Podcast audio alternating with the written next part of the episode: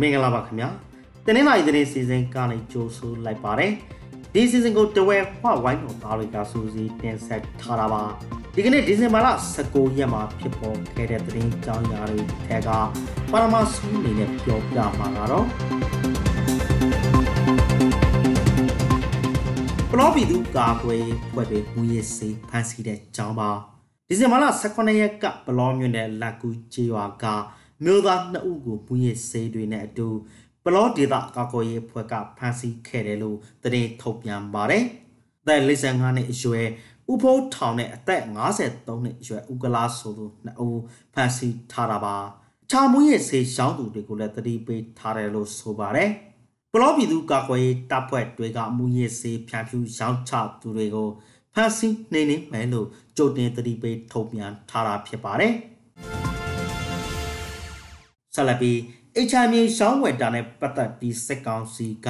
ညွှန်ကြားချက်တစ်ခုထုတ်ပြန်ထားတာကိုပြောပြပါမယ်။ HMA ရောင်းဝယ်စ조사လုပ်ငန်းလုပ်သူတွေအနေနဲ့ငွေကြေးခွာချမှုတိုက်ဖြတ်ရေးနဲ့ကြားဖက်မှုတိုက်ဖြတ်ရေးတင်တန်းမတက်မနေရတက်ရမယ်လို့ညွှန်ကြားထားတာပါ။စစ်ကောင်စီရဲ့အကြမ်းဖက်မှုတိုက်ပြရေးဘိုးကော်မတီကနေနိုဝင်ဘာလ9ရက်ကအဲ့ဒီလိုညွှန်ကြားလိုက်တာပါ။သူ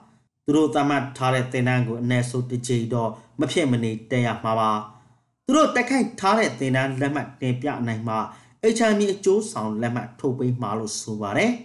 စစ်ကောင်စီကိုတော်လာတက်ခိုက်နေကြတဲ့အမျိုးသားညီညွတ်ရေးအစိုးရ NUG အနေနဲ့ပြည်သူ့ကာကွယ်ရေးအဖွဲ့ PDF တွေစီ HMI လုပ်ငန်းတွေကနေ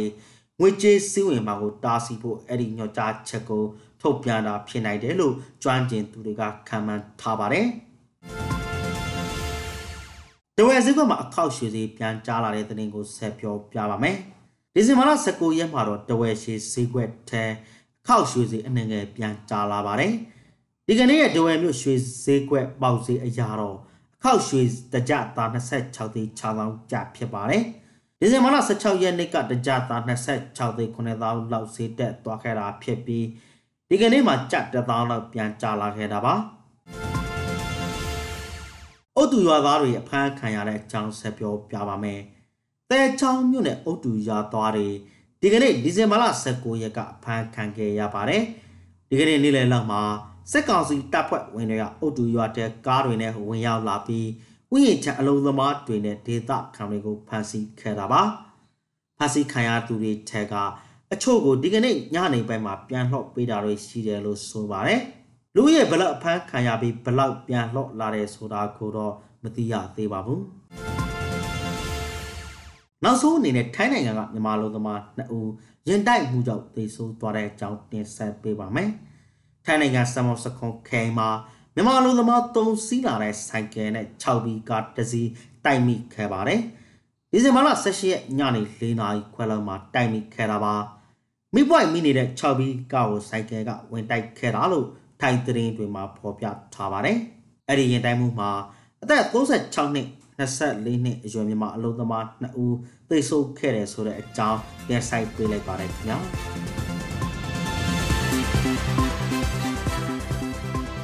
ခုလိုနားဆင်ပေးကြတော့ကျေးဇူးတင်ပြင်ရှိပါတယ်။မြန်မာနိုင်ငံသူနိုင်ငံသားများကာဘေးပေါင်းကနေအများဆုံးလုံးမြောက်နိုင်ပါစေလို့ The Well Watch ဝိုင်းတော်ဘာများကဆုမွန်ကောင်းတောင်းအပ်ပါတယ်ခင်ဗျာ။